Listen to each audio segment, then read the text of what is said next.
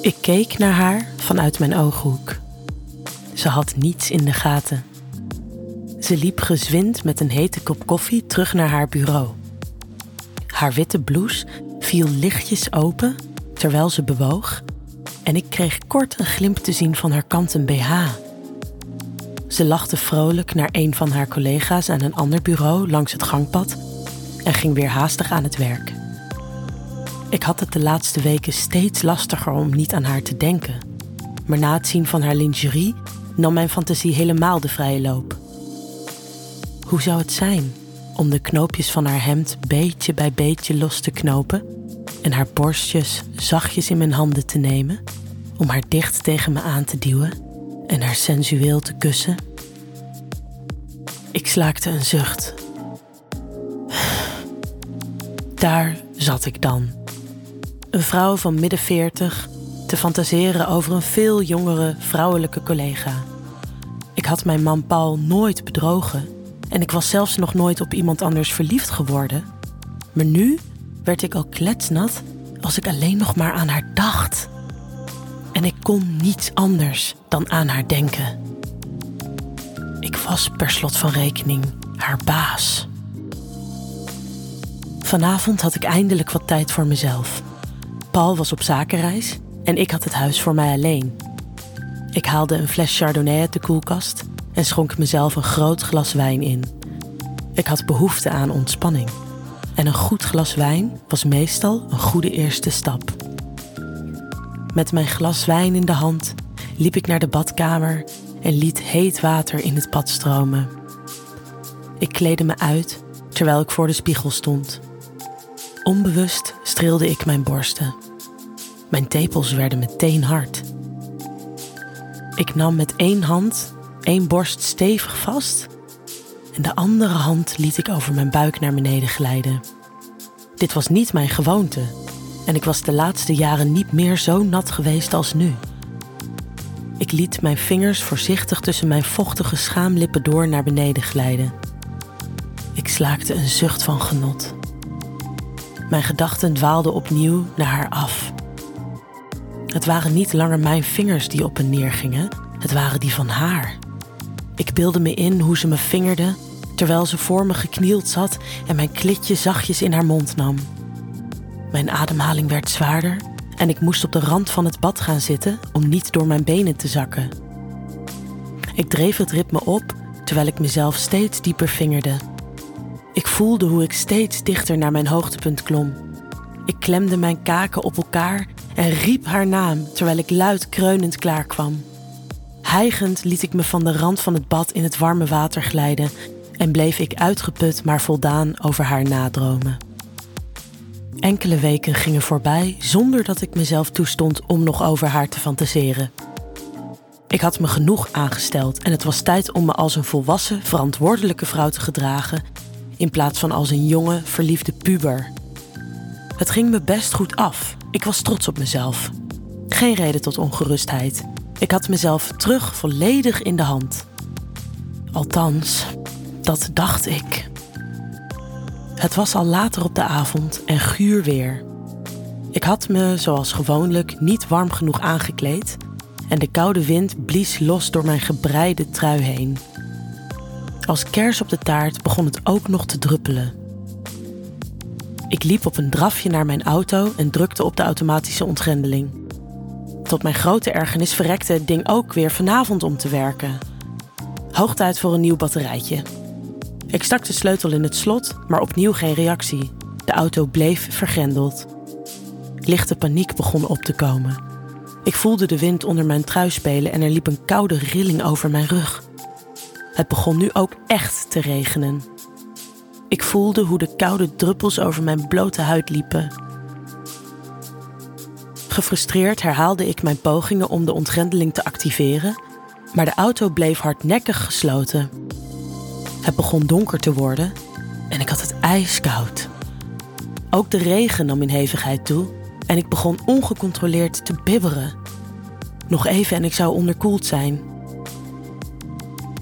Problemen met de auto? Ik was zo druk bezig geweest met mijn sleutel dat ik niet had gemerkt dat ze pal achter mij stond. Ze hield een paraplu boven mijn hoofd en keek me bezorgd aan.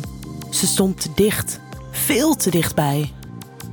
Zo kunt u hier niet blijven staan. U bent doorweekt. Kom. Ze nam me resoluut bij mijn arm en leidde me naar haar eigen auto, deed het portier open en duwde me voorzichtig op de passagierszetel. Snel ging ze achter het stuur zitten en startte de motor. Het zal zo iets warmer worden, maar met die natte kleren aan zult u nooit opwarmen. U komt met mij mee naar huis, zodat u droge kleren kunt aantrekken en kunt opwarmen. Het leek alsof mijn hersenen het te koud hadden om nog normaal te functioneren en ik liet me zonder een woord te zeggen gewillig naar haar huis brengen. Thuis aangekomen nam ze me mee naar binnen en loodste me meteen naar boven naar de badkamer. Het was er lekker warm. Ze zette de kraan van de douche open en kwam voor me staan.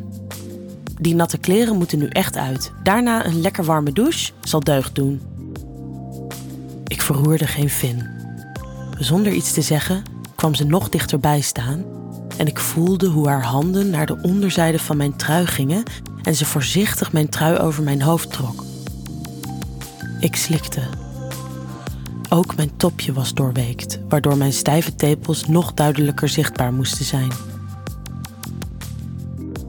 Ze stond nu op nauwelijks 15 centimeter van mij vandaan en ik voelde hoe haar lichaamswarmte me verwarmde. Ze keek me glimlachend aan, terwijl ze ook langzaam mijn topje over mijn hoofd trok. Ik voelde hoe mijn hart in mijn borst klopte. In plaats van op te drogen, werd ik hoe langer hoe natter. Ze sloeg haar armen om me heen om de sluiting van mijn BH los te kunnen maken en schoof de bandjes één voor één van mijn schouders zonder verder van me weg te stappen. Haar hoofd was vlak bij het mijne. De blik op haar gezicht veranderde. Ik zag ook hoe haar ademhaling versnelde. Zij wilde dit net zo graag. Voor het eerst kwam ik zelf in beweging, nam haar hoofd in mijn handen en bracht mijn mond op de haren. Ze beantwoordde mijn kus zonder aarzelen. Ze opende haar lippen en streek zacht met de tip van haar tong over mijn bovenlip, waarna ze me teder kuste. Haar handen gleden over mijn armen en rug en duwden me dichter tegen haar aan. De kus werd gretiger. Ik trok haar t-shirt over haar hoofd en nam haar borsten in mijn handen. Ze droeg dit keer geen BH. Zachtjes kneedde ik haar tepel, waarbij ze haar hoofd naar achteren liet zakken van genot. Gehaast deed ze haar jeans en slipje uit en deed bij mij hetzelfde. Ze deed de deur van de douchecabine open en leidde me de stomende cabine in. Het warme water liep over mijn rug en deed me rillen van genot. We stonden samen onder het warme water terwijl ze me in haar armen nam en opnieuw kuste. Deze kus had niets aftastends, maar was hongerig, passioneel. Ik zag hoe het water parelde op haar bruine, volmaakte huid. Waarom voelde dit zo natuurlijk?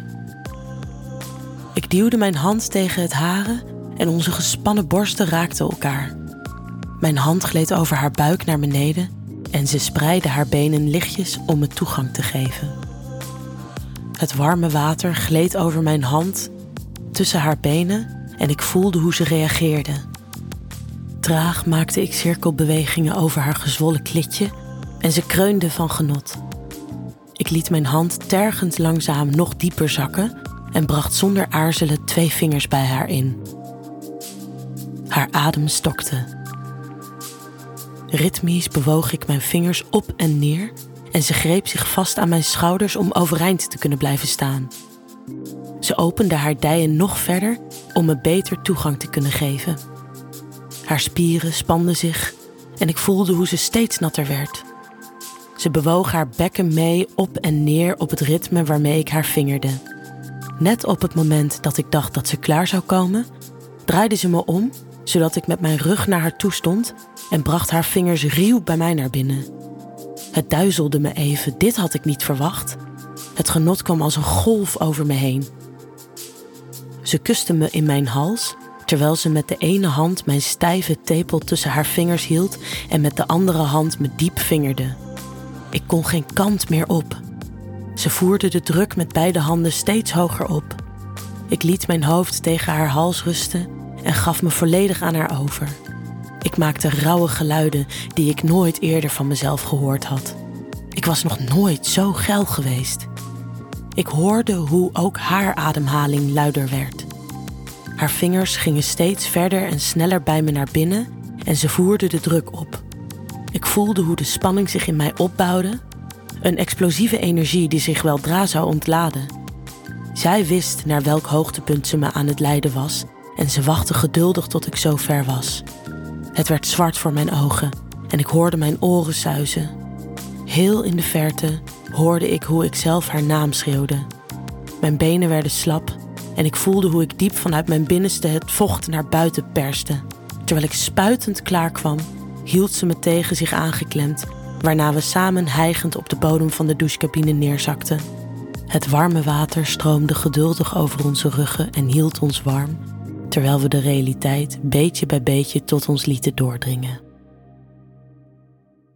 Wil jij nou meer spannende verhalen? Luister dan naar Charlie's Avonturen, een podcast van Easy Toys.